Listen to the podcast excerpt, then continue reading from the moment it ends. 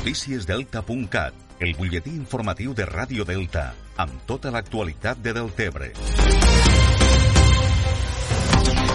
Este dilluns comença el procés de preinscripció escolar per a l'alumnat que ha de cursar P3 el pròxim curs i també per a l'alumnat de primer d'ESO.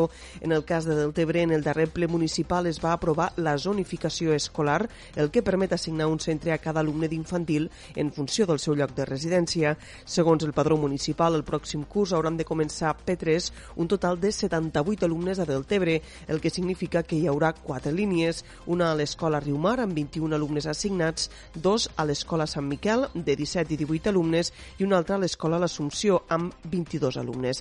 La inscripció per al curs 2021-2022 serà totalment electrònica a partir d'avui 15 de març i fins al dia 24 es poden presentar les sol·licituds per a la preinscripció.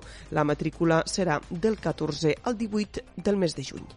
Més qüestions, la policia local de Deltebre va localitzar este passat dissabte al matí una embarcació embarrancada amb fardells de droga davant la desembocadura de l'Ebre al voltant de l'illa de Sant Antoni.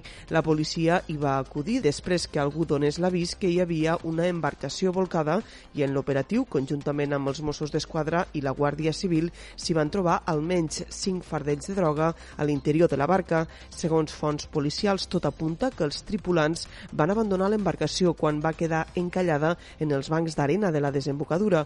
Per ara no s'ha practicat cap detenció dels responsables del transport de la droga. La investigació, però, continua oberta.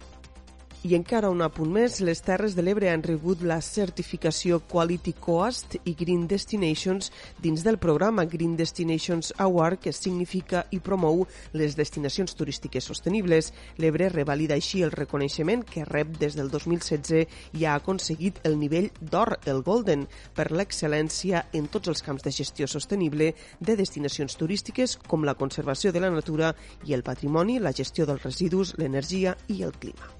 Això és tot el que us expliquem per ara. Ja saben que poden continuar informats, com sempre, a través del portal deltacat.cat.